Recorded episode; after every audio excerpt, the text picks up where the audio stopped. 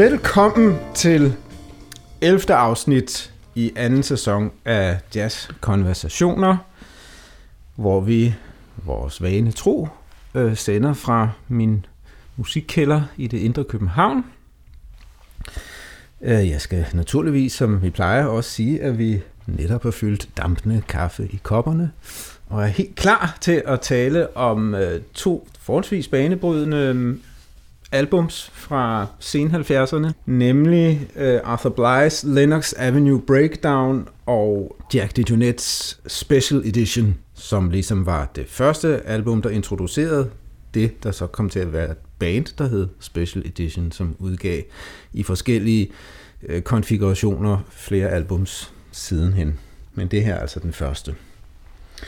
Og øh, vi er jo, fik jeg måske ikke sagt, men det ved I jo godt, Jens Rasmussen og Frederik Lundin. Yes. Og Jens vil nu øh, starte med at fortælle lidt om øh, Arthur Blythe og Lennox Avenue Breakdown. Ja, øh, og det gør med glæde. Øh, jeg har selv kendt noget af Arthur Blythe musik, siden jeg var teenager, og var begejstret for det dengang. Han blev ret stort navn der i, i sen 70'erne, øh, men har også sådan en lidt, lidt usædvanlig karriere på mange måder. Altså han er født i 40, hvilket jo betyder, at han var pænt op i 30'erne, før han sådan for 11 år øh, brød igennem. Øh, I sine yngre år, der spillede han rhythm blues i forskellige sammenhænge, og spillede sådan, sådan mere lokalt øh, forskellige steder. Øh, når vi kommer op i 70'erne, så spiller han blandt andet med øh, Gil Evans. Skal vi lige indskyde i parentes, at han er altsaxofonist. Det er, ja, det er måske ikke uvæsentligt. Øhm, han er med hos Gil Evans, øh, han er med hos uh, Chico Hamilton, sådan i midt-70'erne, uden, så vidt jeg ved, at der kommer voldsomt meget opmærksomhed omkring det. Og så begynder han jo altså at indspille eget navn øh, i slutningen af 70'erne. Og øh, der er sådan et par karakteristika, som, som vi møder ret tidligt. Altså dels noget med besætning. Hans, øh, jeg tror det er den tredje plade, øh, der spiller han jo selv altsagt, og så har han en konkaspiller og en tuba-spiller med, og det er det. øhm, og den næste plade, han laver, hedder In the Tradition, hvor han spiller sådan lidt ældre numre, og det illustrerer, at han er jo en, ligesom så mange andre musikere på det tidspunkt, som opererer i sådan et eller andet krydsfelt mellem avantgarde og tradition og frisættelse og konventionsforlængelse, om man vil. Mm. Øh, og det bliver en af sådan de stiltræk, som, som han trækker med gennem noget af hans karriere, sammen med de her sådan ofte lidt bemærkelsesværdige besætninger. Øh, han er kommet på pladselskabet Columbia, som øh, har ret store ambitioner på hans vegne, og tydeligvis prøver at trække ham i sådan en, en lidt mere storsælgende retning. Og det kulminerer, eller man kan måske sige det, der hvor det går helt galt, af en plade, som hedder Put Sunshine In, hvor vi er over i sådan noget David Sandborn, Markus Miller, trommemaskine-agtigt univers, som man nemt sådan med sådan nogle jazzører kan synes er ganske forfærdeligt. Jeg lytter lidt på den. Jeg synes faktisk også, man må sige, at hvis man ligesom accepterer de der musikalske konventioner, som, som prægede de her musikere på det her tidspunkt, så er det altså ekstremt øh, velproduceret og vellavet, men meget, meget, meget glat. Så er der en periode, hvor karrieren går en lille smule i stå, øh, og omkring år 2000, der laver han så øh, en, en håndfuld plader, hvor han sådan går lidt tilbage til det, han kom fra. Igen lidt usædvanlig besætning. Han har sådan en kerne af øh, trommer, tuba, marimba og altsaks. Hmm. Og så lidt ekstra krydderi. Øh, og så ved jeg faktisk ikke rigtigt, hvad der sker, men, men der er en længere overrække frem til han dør i 2017, hvor, hvor han ikke udgiver i eget navn, og hvor vi ikke rigtig hører fra ham. Han fik Parkinson? Ja, og det er derfor, at han trak sig de sidste det må man 15 jo år. Ikke? Ja. ja. Øhm, undervejs øh, spillede han med lidt flere folk. Altså for eksempel så er han jo med på den Jackson Net-plade, vi skal snakke om efterfølgende, Special ja. Edition, som var altså en af de plader, hvor man virkelig blev opmærksom på ham. Øh, han havde også en gruppe, der hed The Leaders, sammen med blandt andet Lester Bowie op gennem 80'erne. Øhm, personligt synes jeg måske ikke, det var super vellykket, men, men, øhm, men det, det var også en del af paletten. Han spillede også med Lester Bowie tidligere. Øh, så var han en periode med i... Øh, øh World Saxophone Quartet, da Julius Hemphill døde, der fik han hans plads. Øh, og havde i øvrigt også sådan kontakt med det, som nogen i hvert fald kaldte punk jazz på det her tidspunkt, altså blandt andet repræsenteret ved guitaristen James Blood Olmer, som mm. vi også snakker med. Øh, han havde et band, der hed Music Revelation Ensemble, som, øh, som øh, Blythe også var tilknyttet. Men Det vi skal lytte til i dag, det er der, hvor vi mange, der synes, at hans karriere topper, nemlig slutningen af 70'erne, starten af 80'erne.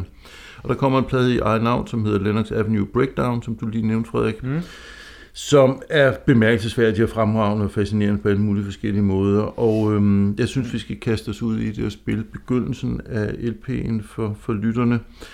Og sådan set bare bede lytterne lægge mærke til øh, besætningen i første omgang. Mm. For den øh, også her påkalder den sig opmærksomhed. Vi hører øh, første to minutter af Down San Diego Way.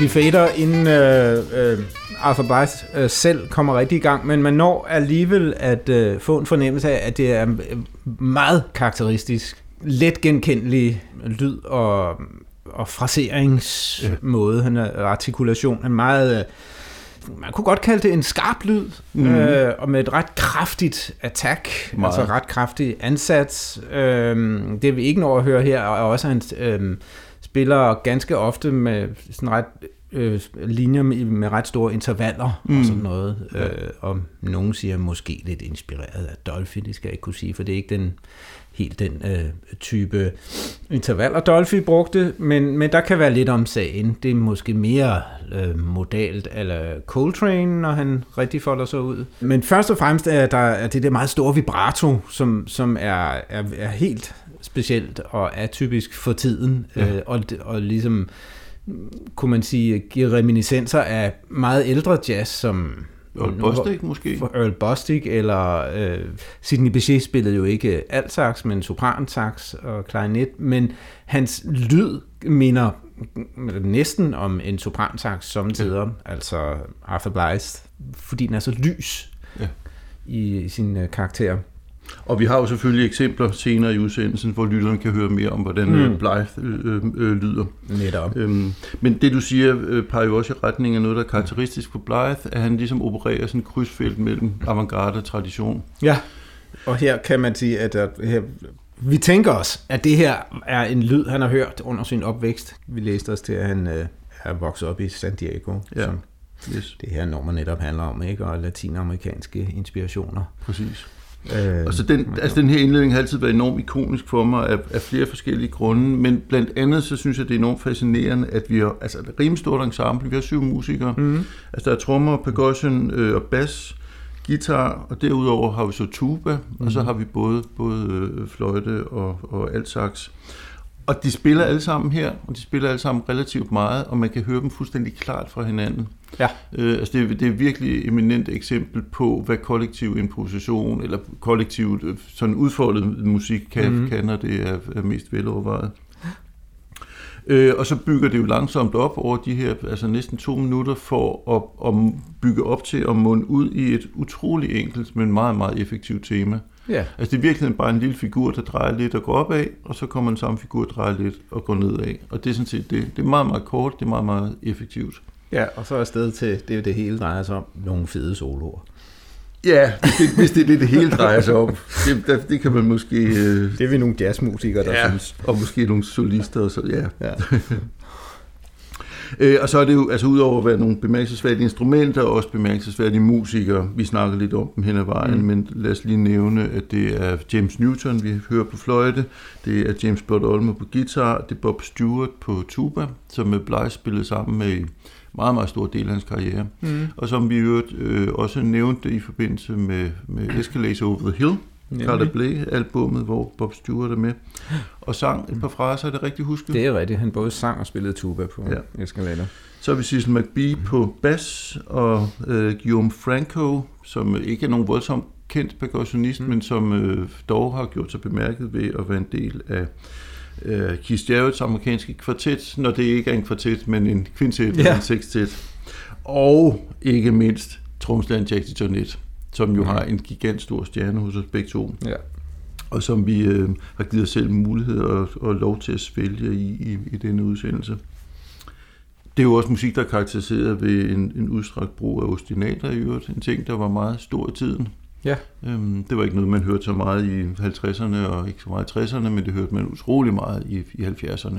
Ja. Og ligesom en af de, de ting, der karakteriserer det nye generelt set, uanset om vi snakker, jeg lige vil sige, uanset om vi snakker jazz rock eller free jazz, eller hvad vi snakker om, ja. så var der virkelig mange ostinater i 70'erne. Ja.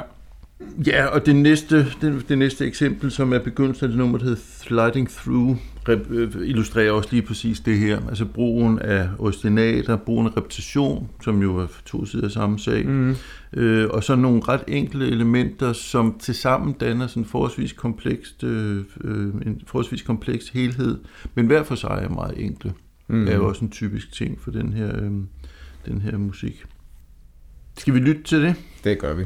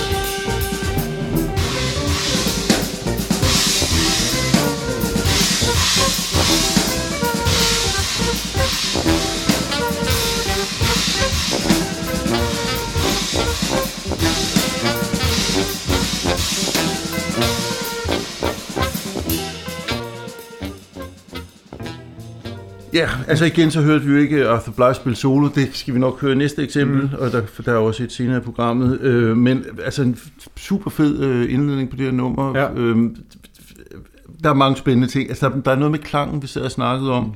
Altså kombinationen af guitaristen James Lord Olmer, som har den her virkelig sådan kompromilløs, skramlede, anarkistiske spilstil, mm. som nogle gange kan blive meget voldsom. Altså han var en stærk repræsentant for det der, man kalder punk jazz, som trak på free jazz elementer, men som i allerhøjeste grad også trak på blues tradition ja. øh, og som var meget sådan, øh, ja, når man kaldte det punk jazz, så var det blandt andet, fordi det var meget støjende, mm-hmm. men de spillede absurd højt. Jeg kan huske, at jeg hørte ham i Nørregade, og det, altså, det er ufatteligt, at vi ikke gik derfra med tinnitus.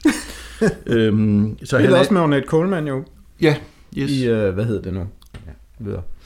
Øh, her der fungerer han sådan relativt afdæmpet faktisk. Mm. De har skruet lidt ned for ja. ham, og de har også fået ham til at spille lidt mindre, end han ofte gør. Ja. Og han er et virkelig fedt krydderi i, i, den her, i den her ret, fordi ja. han har det her grumsede, skramlede, sådan fanden i voldske. Ja, altså man, man kunne forestille sig, hvis det her var blevet spillet af, af pæne, dygtige musikere, så havde det måske været lidt småkedelig musik, fordi ja. det er meget enkel musik. Yes. Uh, nu øh, har vi så voldsvingende Dirk Dunet nedenunder, ikke? Men, men også den her ejendomlige instrumentkombination af, af dit, en tuba og en, en, et halv ustemt guitar, der spiller et riff, ja. som bare bliver ved og ved og ved, og som i sig selv har et, en virkelig karakteristisk lyd. Vi sad uh, off mic og synes at vi nærmest hørte olietønder i den her lyd, altså en, en, instrumentet en olietønde karibiske olietønde orkestre, ikke?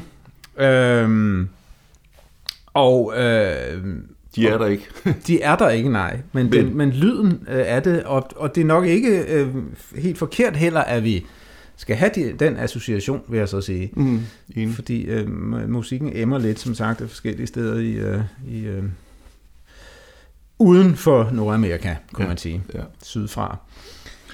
Og i hvert fald så, så er der jo den her enormt store ambitus i, i instrumentationen. Altså vi har mm. alt, alt, hvad hedder alt sagt fløjte, helt op i det lysklingende mm. instrument, og så den her sådan lidt, altså ja, undskyld, sådan lidt bamsede, men ret egile uh, tuba-stemme, ja. som er ret fremtrædende. Altså faktisk mere fremtrædende end bassisten Cecil McBee er. Ja, især her. Øhm, ja.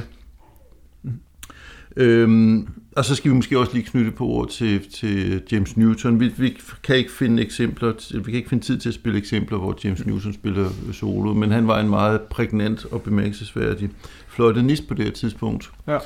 Øh, meget kraftfuld, meget ekvilibristisk, øh, stor fyldig tone og, og altså enormt stor teknisk overskud. Og øhm. også kapelmester i egen ret på ja på øh, mange øh, udgivelser. Præcis. Og, og var svævet mellem, kan man sige, kompositionsmusik, klassisk musik og moderne jazz, ikke? Ja. Han har spillet meget sammen med den pianist, som hedder Anthony Davis, som også sådan svinger mellem jazzmusikken op og den klassiske kompositionsmusik. Ja. Og så spiller han jo øh, rigtig meget sammen med saxonisten David Murray, mm. som bestemt ikke svinger over i klassisk musik. Ja, David Murray er meget sådan rodfæstet i, i, i ja, den sorte jazzkultur. Ja. Øhm, spændende, spændende fløjtenist, James mm. Newton, yes, synes jeg. Ja. Ja, og så Jackie Jonet igen, altså jeg elsker ham, og han mm. spiller fantastisk her, og, og han er et virkelig, virkelig godt bidrag. Det er desværre mm. den eneste uh, Arthur Blythe plade, hvor, hvor uh, Jackie Jonet er på trommer. Mm. Um, og det er for mig måske nok en af grundene til, at den her, den rager så meget højere op end de andre. Mm der er sådan en lille ting her. Jeg, jeg tror, han har fået et virkelig fedt crashbækken i her studie 70. Og jeg kan huske, da jeg selv var ung, det synes jeg, det lød så fedt. Mm. Men øh, han bruger det virkelig meget øh, i den her periode. Og, og crashbækken, det er, det kan man sige, det er selvforklarende ord. Det, ja. det larmer ganske. De siger ikke bare tingeling, de siger ja. netop. Kort, men, men meget larmende. Ja, og meget effektivt. Ja. og skal doseres. ja. Nå, men skal vi ikke høre ham spille solo, den store øh, altmester? Det skal vi.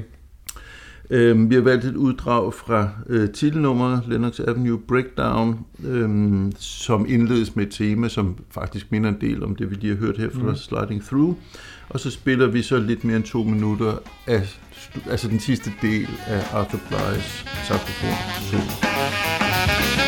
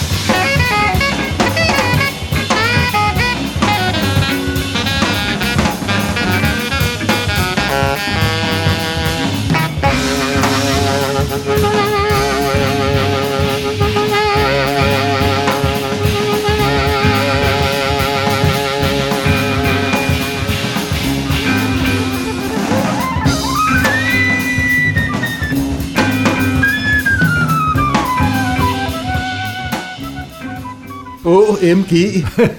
ja, men altså, åh, og Jack Net på trommer, altså, hallo, hvor er det Det er stort, helt altså. sindssygt. Vi, øh, der, han øh, kunne et eller andet, uh, Jack Net, med at spille utrolig ekspressivt og, øhm, øh, og, og have gang i utrolig mange ting på samme tid, uden at det på den måde øhm, larmede. Ja, altså han er slet ikke nogen bullebasse, men han spiller utrolig meget. Der får den kæmpe tyk øh, lag af, af polyrytmer, der bare ligesom ligger og skubber frem ja. øh, nedenunder øh, Blythe, og øvrigt synes jeg også, der er rigtig øh, fedt øh, basspil af Cecil McBee her, yes. øh, som, vi, som vi ikke rigtig har talt om, øh, og som vi heller ikke kommer til at tale om. Man skal bare lige acknowledges her, ikke? Ja. Er fint, og, og Blot Olmer, som, som øh, spiller sine mærkelige kvartakkorder der i alle mulige andre tonearter end Blythe, som generelt holder sig mere eller mindre til en samme øh, modalitet. Går ja. lidt ud i ny og næ, ikke? Men, men bliver mest i det samme. Og så, du nævnte indledningsvis, men jo altså sådan meget skarp komprimeret, men synes jeg faktisk også meget varm klang. Altså, mm. øh, og, og altså utrolig meget klangudnyttelse, som jeg sjældent synes, jeg hører på en alt. Altså, jeg, jeg får næsten associationer til sådan en som Gato Barbier, for eksempel. Altså rent klangligt. Ja, ja, ja ekspressiv i hvert fald, ikke? Ja. Øh, og der, man hører også, på, der er jo en, en sang, vi ikke kommer til at spille, der hedder Odessa, som er lidt mere lavstemt, hvor man hører lidt mere, øh, hvor det er mindre højspændt, kan ja. man sige, ikke? Hvor man hører øh, lidt andre dynamikker i en spil, som er, som jeg synes også er rigtig fine. Mm. Øh, man kan sige, at øh, den måde at spille alt på er, ligger jo utrolig langt fra den herskende måde at gøre det på mm. øh, i de sidste, hvad ved jeg, 10-20 år, som mere er øh, inspireret af saxofonister som Kenneth Garrett og Steve Coleman, altså folk mm. med en forholdsvis øh, afdæmpet klang, kan man sige. Ja, og mere ja, egal klang, ikke? Ret egal og, og mindre øh, overtoneri, kan man sige. Mm. Øh, tør kunne man kalde det. Det lyder som om, jeg siger negative ting, men det er egentlig ikke min negative. Det er mere, sådan er det. Ja, øh, og ja. der er forskellige øh, saxofonister, jeg ikke skal komme ind på siden, som, som bekender sig til, som jeg tror har meget at gøre med, et, at man er... Øh, enten for Kenny Garrett's vedkommende spillede han jo meget med Miles Davis, og øh, en, en meget overtoneri og skarp lyd fungerer utrolig dårligt elektrisk forstærket, og han skulle ligesom indgå i et ret stort elektrisk stort, ensemble. Netop, ikke med ret højt øh, volumeniveau. Øh, Steve Coleman øh, gjorde, tror jeg, øh, spiller, som man gør for at kunne spille så utrolig præcist, som han gør i en vanvittig rytmisk og harmonisk kompliceret musik. Mm, mm. Øh, det er svært at håndtere øh, med en meget stor og omfangsrig lyd, sådan som, som Arthur Blythe, som man også kan høre. Altså Arthur Blythe er ikke det mest præcist fraserende. Han er mm. meget markant, men, men, men, men der flyver nogle rytmiske fingre af fadet. Altså det er en ren strøtanke, jeg ved ikke om den holder, men, men hvis man sådan tænker Cannonball Adderley, videreførelse, og så, så den klanglige udnyttelse fra nogle af tenorsaxofonisterne i 60'erne, giver det mening for dig? Ja, sige, det, det, det synes jeg bestemt. Ja, det synes jeg godt, man kan sige, ja. Og man kan også sige, at øh, et, altså en anden stor saxofonist, øh, tilbage fra 40, 30, 40, 50'erne, Johnny Hodges havde jo mm. også et, øh, et voldsomt stort vibrato, som ja. øhm, er, den, der kommer nærmest øhm, det, som, som Blythe har, har ja. gang i her, vil jeg sige. Ikke? Så han trækker på noget tradition for stor udtryksfuld øhm, ja. lyd.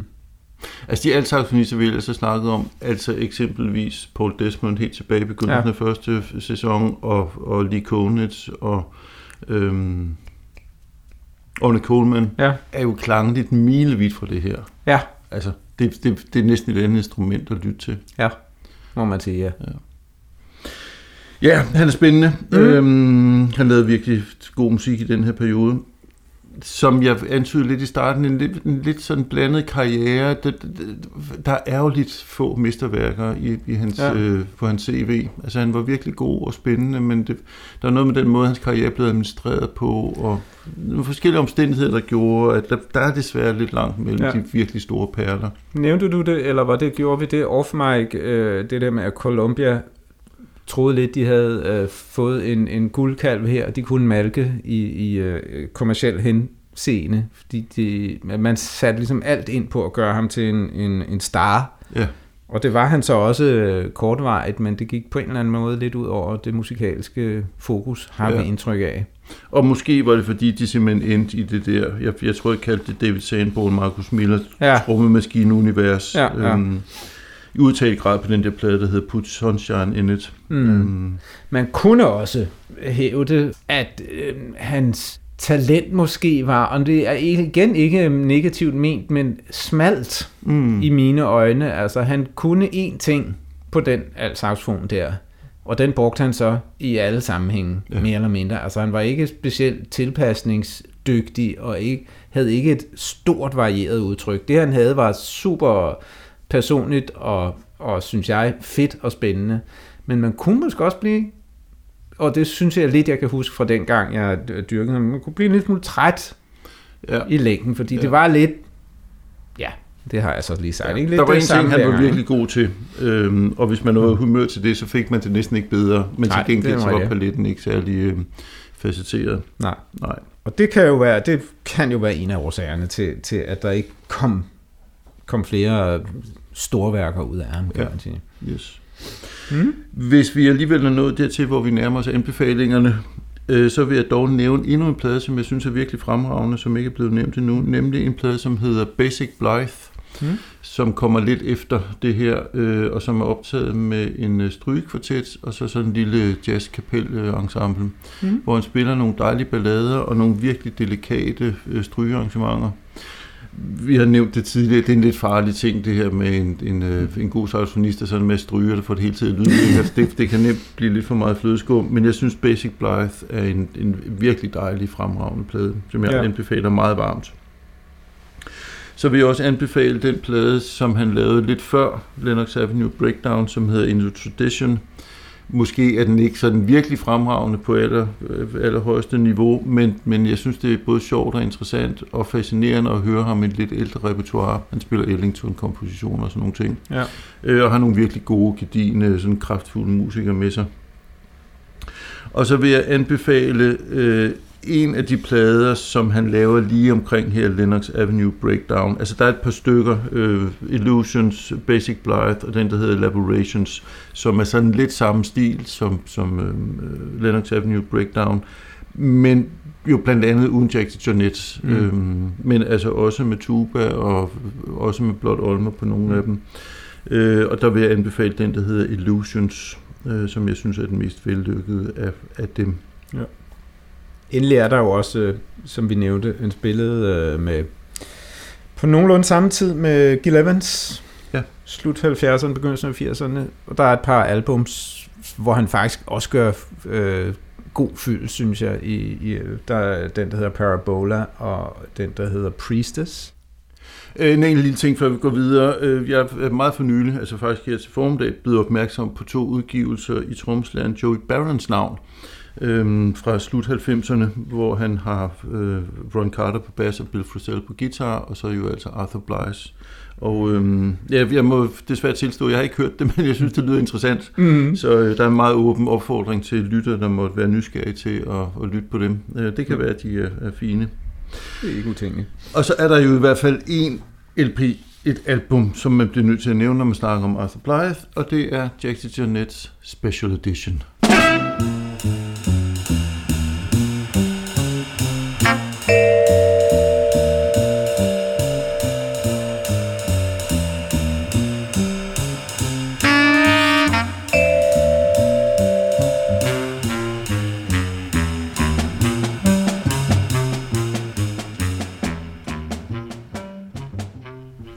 Så går vi i gang med Jack DeJohnette's Special Edition.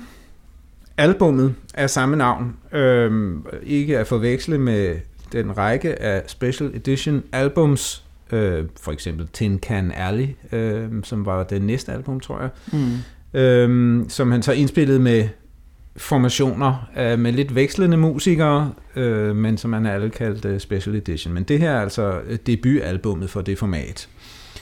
Øh, inden øh, vi går i gang med det, så skal jeg lige sige, at Jack DeJohnette er født tilbage i 1942 og øh, startede øh, i Chicago, men flyttede så i midt-60'erne til New York og blev en del af, af scenen der.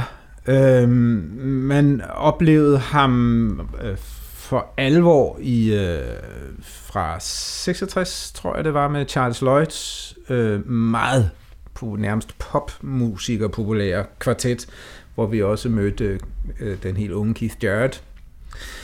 Øh, og øh, han spillede med ham i et par år, øh, så spillede han jo øh, meget vigtigt med Miles Davis fra cirka 69 i en ja. Øh, tre års tid, og var med på blandt andet Beaches Brew og Fillmore East øh, optagelserne og Fillmore West og Live flere Evil. andre, Live Evil og ja. så videre og så videre. Ikke? Var en vigtig øhm, øh, del af, af det, der skete der, som jo var voldsomt revolutionerende, ja. ikke, må man sige. Og, og derfra var han jo så simpelthen bare helt vanvittigt produktiv som øh, først sideman, men også kapelmester i, uh, han er med på vanvittigt mange albums, øh, mange af dem på ECM, men også rigtig mange alle mulige andre steder. Ja. Og så øh, meget væsentligt var, er han jo så også, øh, eller var, øh, fordi den trives eksisterer så desværre ikke mere, men Keith Jarrett's standard trio, ja. hvor de indspillede deres første album i 83, og så for 85, så turnerede de jo verden rundt, indtil øh, Jarrett ikke kunne længere, øh, og har udgivet en lang række album og satte nye standards for øh, jazz klaver trio spil. Ja. Og han er så altså en af den moderne trommespils øh, store influencer, ja, må man sige. Altså ikke? en af de aller, aller største. Ja, ikke? Som, som ligesom, øh, øh, vi, vi taler vel, øh, hvis vi taler moderne trommespil, øh, Roy Haynes, Elvin Jones, Tony Williams, Jack DeJohnette i nævnte rækkefølge ja. kronologisk set, ikke? men med alle med, med lige stor indflydelse på, mm. hvad der er sket i moderne trommespil. Ja. Ja, nu det kommer så lidt an på, hvilke retninger man lytter. Altså, ja. der er jo også en Paul Motion, som er fuldstændig Absolut. anderledes på alle måder, men jo ja. og, også stor og fantastisk og, ja. og sådan noget. Ikke? Helt bestemt, ja. Øhm, det, det er jo så faktisk en lille smule usædvanlig Jack net aftapning vi får her på Special Edition. Hvad tromspillet angår, altså en betydeligt mere afdæmpet spiller, simpelthen ja. betydeligt mindre, øh, og har helt tydeligt øh, været mere optaget af og, og nysgerrig på at agere som ja, kapelmester, men først og fremmest som komponist og arrangør. Og, ja. og sådan, øh, spiller han jo også andet end tromme her. Han spiller sjovt nok øh, et af sine egne yndlingsinstrumenter, melodika. Ja. Og han spiller noget klaver det også. Og, og det var jo noget, han faktisk gjorde en del på egne plader. Jeg mener, han sågar øh, indspillede helt solo-klaveralbum ja, yes, også ja, på et ja, tidspunkt. Præcis. Det skal blive Vi skal høre en bid fra det første nummer, som hedder One for Eric, øh, hvilket giver mig anledning til lige at nævne, at øh, der er mange aspekter af den her plade, som peger retning af, at han har været interesseret i sådan at, at hylde øh, nogle af historiens store. Ja. Øh, vi kan ikke vide det, men vi er meget, meget sikre på, at One for Eric øh, peger tilbage på Eric Dolphy. Helt bestemt. Det mener jeg at vide, at det gør. Ja, det kan man også jeg ved det, men... Altså, ja. Ja. Øh, og det næste nummer hedder Suit Suite, og selvfølgelig øh, reference til Suit Sims. Tenorsaxofonisten, swing, svingsagtig tenorsaxofonist. Ja, og så er der to John Coltrane-kompositioner, mm. Central Park West og India. Mm. Og det sidste nummer, som hedder Journey to the Twin Planet, er jeg ret sikker på er en hyldest til Sun Ra. Helt sikkert, ja øhm, som jo, jo også kom fra Chicago, og den, der er også en del af, af, af Jack sådan virke, som, som måske er stået en lille smule i skyggen, men at han udspringer jo faktisk af nogle af de her ret eksperimenterende øh, Chicago-miljøer, og, mm. og noget han vendte tilbage til sådan senere i hans karriere, øh, spille sammen med nogle af de her, altså Henry Threadgill og, og øh, Roscoe Mitchell ja. og, og nogle af de her folk. Nå, det var jo lidt udenomsnak. Lad os høre begyndelsen af One for Eric. thank you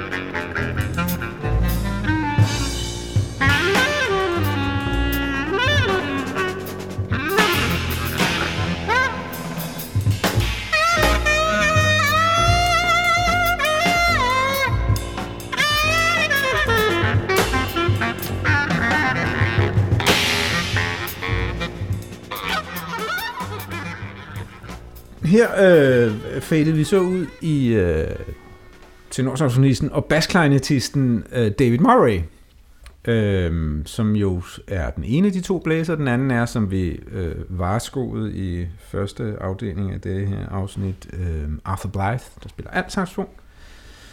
Og så en øh, mig øh, forholdsvis ukendt bassist, som jo hedder Peter Warren. Peter Warren, ja. Og som fungerer virkelig godt i den Ja. her kontekst. Det, Rigtig det er lidt sjovt, vi ikke har hørt mere til ham. Ja.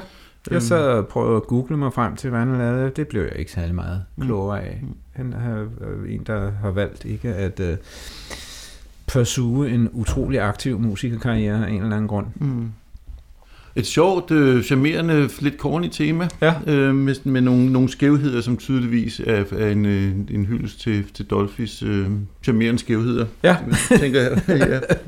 det tror jeg, du har ret i. Ja. Og så har vi jo altså David Murray her. Jeg tror ikke, vi har talt om ham on mic mm. før, men øh, Nej. han er jo en saxofonist, som øh, vi er nogen, som synes er enormt interessant, og så er der nogen, som synes, han er, han er ret uden... Ej, hedder det? Der er nogen, der er mindre interesseret. Øh, jeg tror måske... Vi, han- når vi siger nogen, så er det dem i lokalet her. Ja, jeg tror Ja. måske, han er en af de musikere, som vi er mest uenige om. Mm. Øhm, ikke fordi jeg sådan ubetinget er en kæmpe stor fan, men jeg er, er meget fascineret af ham og interesseret i ham, og har gennem sådan flere år lyttet mig ind på hans meget produktive, meget lange karriere. Mm.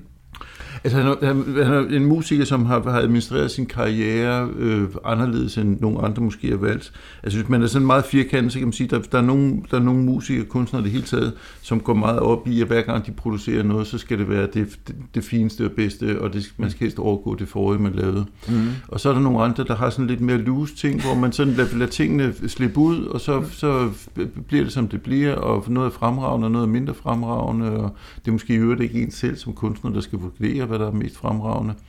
Øhm, og David Murray er udpræget øh, i den sidste kategori.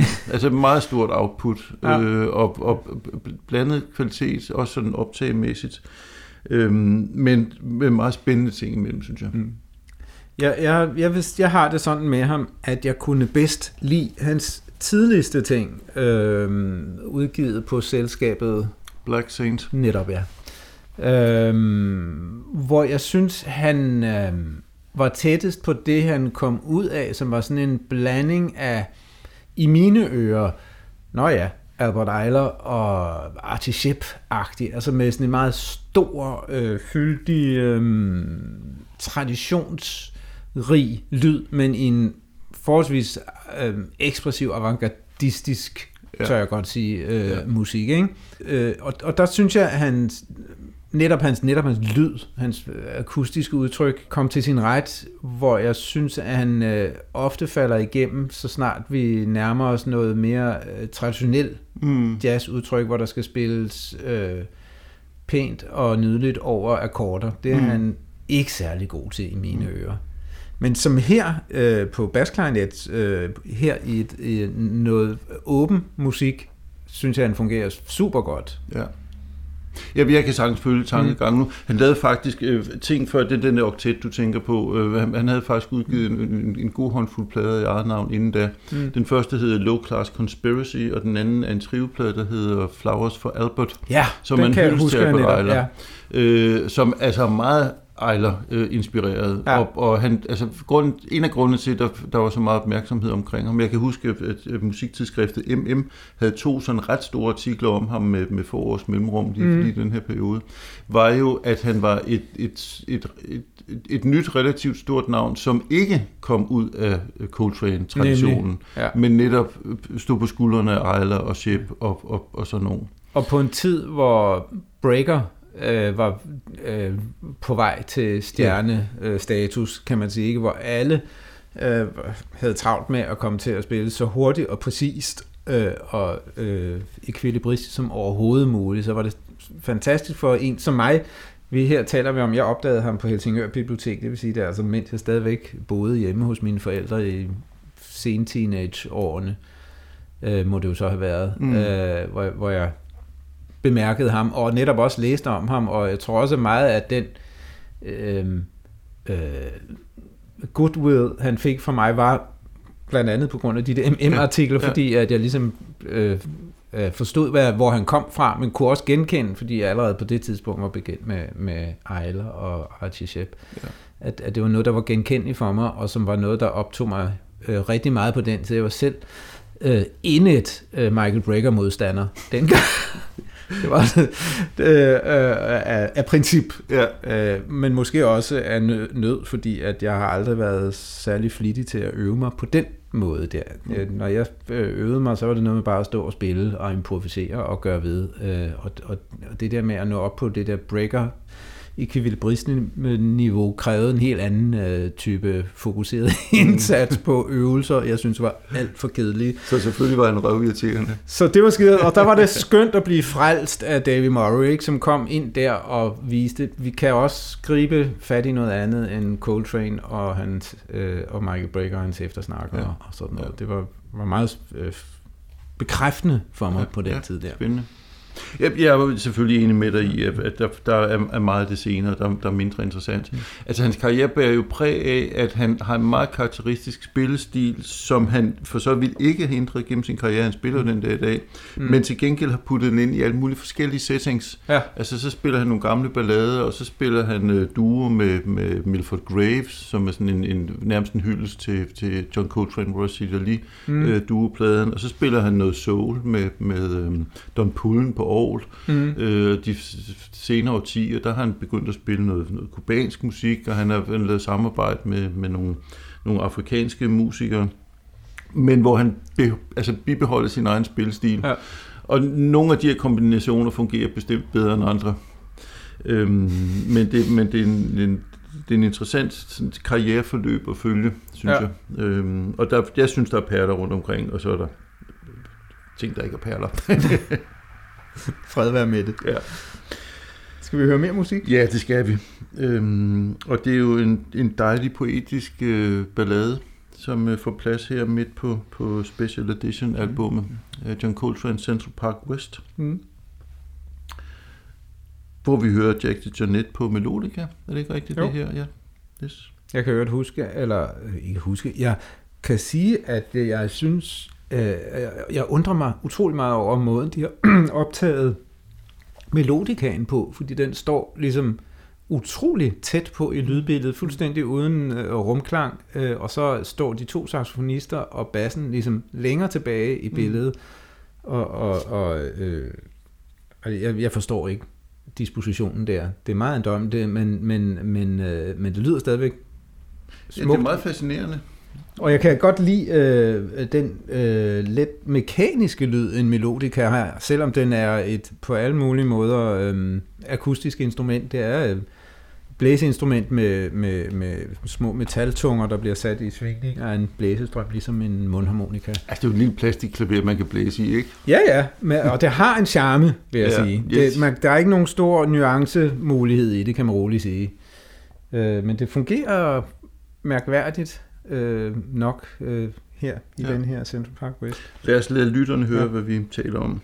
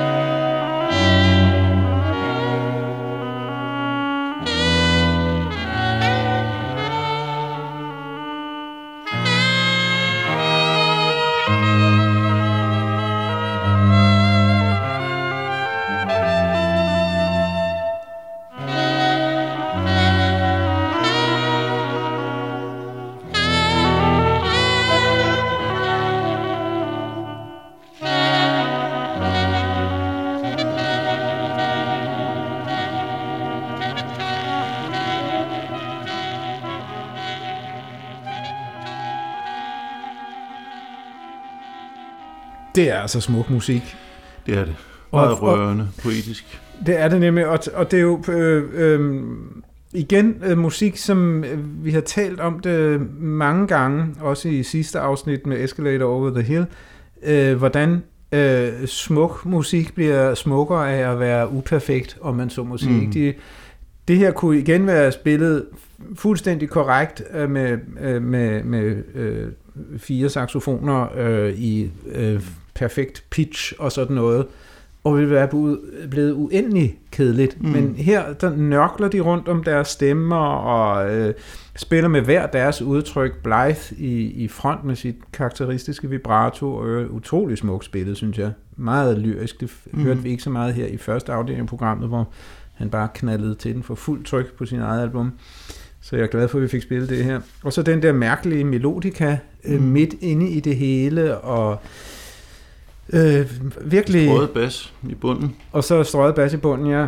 Og, og, øhm, og et meget, meget enkelt arrangement. De spiller bare temaet et antal gange med et, et, et, et, et hvilepunkt i slutningen af hver form, hvor de lige nørkler lidt. Men spiller det bare, og den udvikler sig på en eller anden måde, fordi de spiller mere og mere rundt om deres stemmer. Mm. Øh, det fungerer virkelig godt, og jeg husker det som et nummer på den tid, hvor man tænkte, nå ja, sådan kan man også godt spille. Mm. Altså man skal ikke spille tema, meget lange soloer tema. Man kan også bare spille tema, som man bliver ved at spille, bare lidt forskelligt for hver gang man kommer igennem det. Yeah. Det var, det var en... Øh, nu hvor vi sad og hørte det, kunne jeg pludselig huske, at det var noget, vi tænkte dengang. Mm. Nå ja, sådan kan man også gøre. Ja. Det synes jeg er meget spændende. Og måske det i sig selv, hvad var det? Det var tre minutter og et par sekunder eller et eller andet. Ja. Altså det, det var måske heller ikke så almindeligt på det her tidspunkt, ja. at have sådan nogle små, korte ting, som fungerer fremragende. Ja. Der er ikke, også noget, som man øh, tænkte, burde have tænkt på mange gange, øh, både nu og dengang, øh, det der med, at det er jo en klassisk Coltrane-tema, det her. Coltrane har selv spillet den solo, der skulle spilles på den det er virkelig dårlig idé at indspille et nummer, og så forsøge at gøre det igen bare dårligere. Ja. Så hvorfor ikke bare spille det, som man faktisk har en mulighed for at give et bud på, nemlig at udtrykke temaet i, på en helt anden måde, fordi Coltrane jo indspillede det bare med sin, sin bare, han spillede med sin kvartet dengang, mm. ikke? Klaver, bas, trommer, saxofon, bum.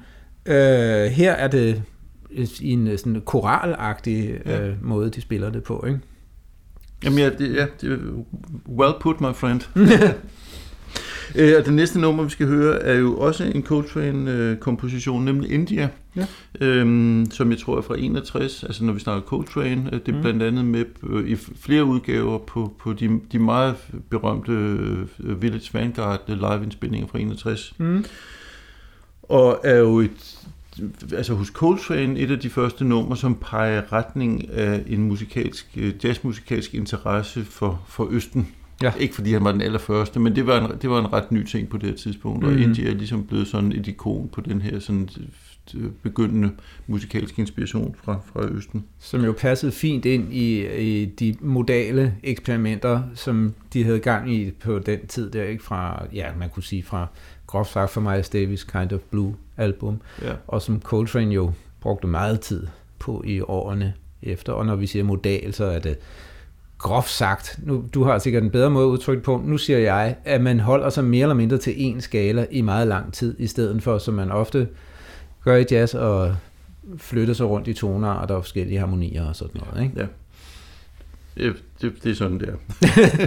Det behøver vi ikke sige mere om. Øhm, vi har besluttet, at vi vil lige spille begyndelsen af India, som er en, en, en sådan meget øh, elegant, øh, afdæmpet øh, indledning, vi hører mm. Jackson Net på klaver. Så fælder vi ud, så fælder vi ind lidt længere hen, hvor vi hører Arthur Blyes øh, spille solo øh, mm. over det her. Yep.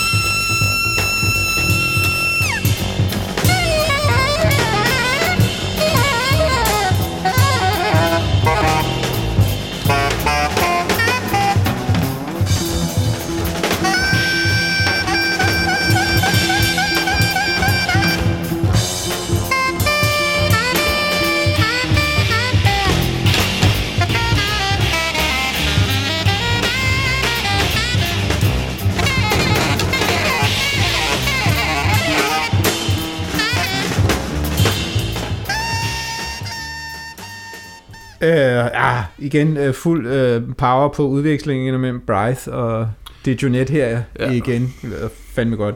Det jeg ville mente med indisk musik og modal var, at, at meget indisk musik, klassisk indisk musik, er jo handler jo om en modus, som man øh, udvikler øh, over i over meget lang tid. Mm.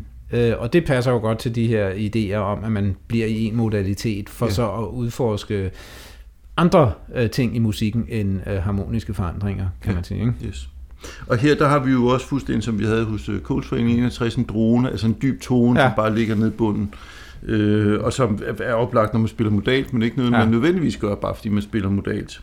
Og så kan man så høre her, hvordan de tillader sig at flytte sig ud af tonearten. Ja. Ikke mindst uh, bassisten Peter Warren der, der vandrer rundt øh, øh, helt ude af tonearten. Ja. Men det, så det er sådan noget, som netop modal musik giver en mulighed for, at man, fordi man etablerer et, en, en, øh, et tonalt centrum, som er nemt at genkende og høre, også når man flytter sig fra det. Ja øh, giver en anden type frihed i musikken. Præcis, ja. Og nu, altså nu sagde du jo før fuldstændig korrekt, at, at, at det modale betyder, at man holder sig inden for en skala, sådan mm. for skift mellem akkorder, men, men, men paradoxalt nok, så ligger der jo det i det, at man kan bevæge sig alle mulige steder hen, når man ligesom har etableret en skala som, ja. som, som basis. Så faktisk giver det en masse frihed, øhm, som jo blev dyrket intenst i 60'erne. Ja. Enormt meget free jazz er virkelig en modal forstået på den måde, der er en eller anden forankring, som man så kan ja. forholde sig mere eller mindre frit til. Og så kan man gøre alt muligt andet samtidig. Nemlig. Vi er vel igen nået til øhm, anbefalingerne. Hvad man også skal. Skal jeg starte denne gang? Du er velkommen. 20 startede før. Øh, jeg tænker, der er jo så helt vanvittigt meget musik med Jack DeJohnette, som øh, vi allerede øh, øh, har været inde på. Der er så mange af mine yndlingsalbum, han spiller på. Nu tager jeg bare nogle. Øh, der er et øh, album fra den tid, hvor han øh, var lige var kommet med Charles Lloyd, men ikke med Charles Lloyd, men med altsaxonisten Jackie McLean. Mm. Og jeg anbefaler det ikke, fordi det er øh, en klassiker i øh, jazzlitteraturen, men fordi jeg personligt var utrolig glad for det album, og ikke mindst for hvad der skete mellem Jack DeJohnette og McLean på mm. det album, der hedder Jackknife fra 1966. Ja, øh, hvor, hvor, der, hvor, der er, hvor man første gang hører, hvad Jack DeJohnette kunne, øh, øh, når det galt om at blæse en storm op øh, bag trommerne. På, det, det, det er så vanvittigt intenst, og Jack McLean øh, øh, var i den grad en, der kunne øh, tage kampen op. Mm. Øh, det svinger, så, man, så det sortner for øjnene. så er der øh, en, en øh, vidunderlig øh, plade i den kanadiske, men i England bosatte øh, trompetist Kenny Wheelers navn, der hedder Gnu High. Damn. som også er lidt tidlig Keith Jarrett, efter vi bekendtskab med her, og så altså ja. det er Jonette på trommer, og bassisten kan jeg så ikke lige huske. Det er Dave Holland. Det er Dave Holland, ja, selvfølgelig. Ja den engelske øh, siden i Amerika bosatte bassist øh, Dave Holland. Fantastisk album. Varmt anbefalesværdigt. Øh, uanset øh, hvem man måtte have været være fan af, så er det virkelig, virkelig god musik. Og så bliver man jo så nødt til at øh, høre en af de øh, før omtalte Jared trio, standard trio øh, album, og jeg vælger så den første af dem. Jeg ved ikke om, det er ikke alle, der synes, det er den bedste. For mig er det den bedste, fordi det var før, hvor vi første gang hørte, at man kunne spille All the Things You Are, og det var stadigvæk interessant musik, mm. fordi det er en, en, en uh, klassisk standard All the Things You Are, som er blevet trådt i den grad uh, ud af fasong og under fod og livet ud af i på øh, tusinder og millioner af indspilninger på forskellige albums gennem tiden, og øh, til øh, alle jam sessions. Men de her trak den frem øh, øh, og, og øh, hævede den til øh, nye øh, højder, hvad angår harmonisk, melodisk frihed, som er, er helt fantastisk. Så ja. det er altså det er, uh, Keith Jarrett trioen Standards Volume 1, hvor bassisten er øh, Gary Peacock. Ja. Ja, altså det blev en lille smule uoriginalt, men jeg har gjort det samme. Jeg har kigget på de her utrolig mange øh, øh, fremragende ting, som Jack Jonet øh, medvirker på, og så har jeg valgt dem ud, jeg holder allermest af. Jeg vil også have anbefalet Knuhaj, som er en virkelig exceptionelt god plade. Øh, men den har du taget, og derfor så tager jeg to øh, indspilninger med, med faktisk samme besætning. Den, som hedder Tales of Another, som er indspillet mm. i Gary Peacocks navn, men som er med den samme besætning. Men ja. de spiller ikke standards, og vi er altså lige en, en 5-7 år før de etablerer standard-triven. Ja. Øh, samme musiker, men lidt andet musikalsk univers. Øh, meget, meget fascinerende plade. Mere åbent øh, end... end altså, ja. de spiller ikke standards. Nej, Ja, men det er nemlig sådan ja. åben, let øh, musik. Også friere på forskellige vis. Ja. Øhm. Kan minde lidt om øh, Paul Blay-triven, måske eventuelt den, hvor Gary Peacock også spillede med på nogenlunde samme tid, tror jeg. Øhm, det synes jeg ikke lige, men det er sådan set lige meget. Nå, det, det er i hvert fald fremragende. Ja. Øh, og så vil jeg vælge og nu det her, det bliver et originalt, men jeg vil vælge Standard Trio Volume 2. Ja, der er virkelig mange af dem, der er gode. Men, ja. men uh, den nummer to af de her uh, første er en lille smule mere afdæmpet, en lille smule mere poetisk. Mm. Øhm, og det, det har appelleret til mig. Ja. Og så går jeg en lidt anden retning og anbefaler den Miles Davis uh, udgivelse, der hedder Live Evil, som består af nogle optagelser fra, uh, så vidt jeg husker, december uh, 70 hvor Jackson Jonet stadigvæk er med og spiller jo langt mere sådan muskuløst, øh, øh, alt andet lige også enklere tromspil, han senere hen er kendt for. Mm. Øh, og så har han en lille bitte tilføjelse til sidst. To sådan helt særlige Jack Jonet moments, som jeg lige vil, vil nævne. Øh, og det ene, det er den trommesolo, som Jack Jonet spiller i slutningen af det nummer, der hedder 8081 på Papanthini-pladen 8081. Og så er der et, altså et, et lille splitsekund nærmest på øh, den Keith Jarrett standard trioplade, der hedder The Cure, på det nummer, der hedder Things Ain't What They Used To Be, hvor de laver sådan en langsom blues gospel øh, introduktion, og hvor der altså er et fuldstændig magisk øjeblik, hvis man lytter sådan fra cirka 2 minutter og 8 sekunder inden, og så lidt frem. Vi lader det være ved det. Ja, jeg skal vist også sige en lille smule om, hvad vi taler om og spille uddrag fra i øh, næste udsendelse. Ja. Øh, der skal vi lytte på to øh, temmelig forskellige plader fra midt-80'erne. Øhm, den ene er med en øh, virkelig brilliant saxofonist, som øh, blandt andet gjorde sig i øh, øh, musikalske genre lidt uden for jazzen. Pop og funk og soul og mm sådan nogle ting, øhm, og som vi har valgt at tale om, fordi han blandt andet har indspillet en plade med nogle virkelig fremragende musikere. Den anden plade har en kapelmester, som går tilbage til 50'erne, og som vi har nævnt en masse gange. Øhm, og øhm, der er en spændende guitarist, som jeg ikke tror, vi har talt særlig meget om. Det bør vi. Og øh, det bliver spændende at høre, hvad det kan handle om. Ja, glæder I jer ikke. Og hermed øh, vil vi sige øh, tak, tak for, denne gang. Fra Jens Rasmussen. Og Frederik Lundin. Og husk at besøge vores Facebook-side, hvor vi øh, placerer show notes øh, og links til ting og sager. Yes. Tak for det.